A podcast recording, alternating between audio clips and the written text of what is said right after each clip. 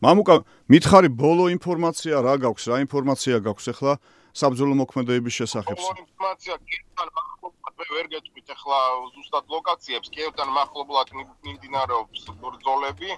აა 30 რუსული ვერტმფრენი იყო შემოსული, რამოდენიმე განადგურებულია და სწორედ ჩვენ პოზიციებზე მიიტანეს იერიში. ანუ ეს ხდება კიევთან ახლოს, რომ უბრალოდ თქვა, კიევთან ახლოს, ხო მამო? კონტროლები კიევის გარშემო. და როგორ შემოაღწიეს კიევამდე დედაქალაქამდე მამუკა, როგორ მოახერხეს ეს ხო არ იცი? აა ბელორუსიდან არიან შემოსულები, რა თქმა უნდა კი.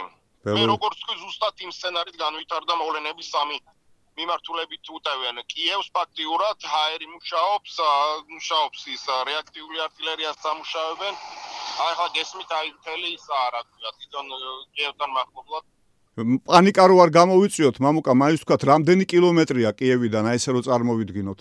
ა ვერ მეთქვით მოდით ვერ არ დაგიზუსტებთ კიევის ოლქია. ნუ კიევში ის მოდა ეს იმიტომ რომ პოზიციების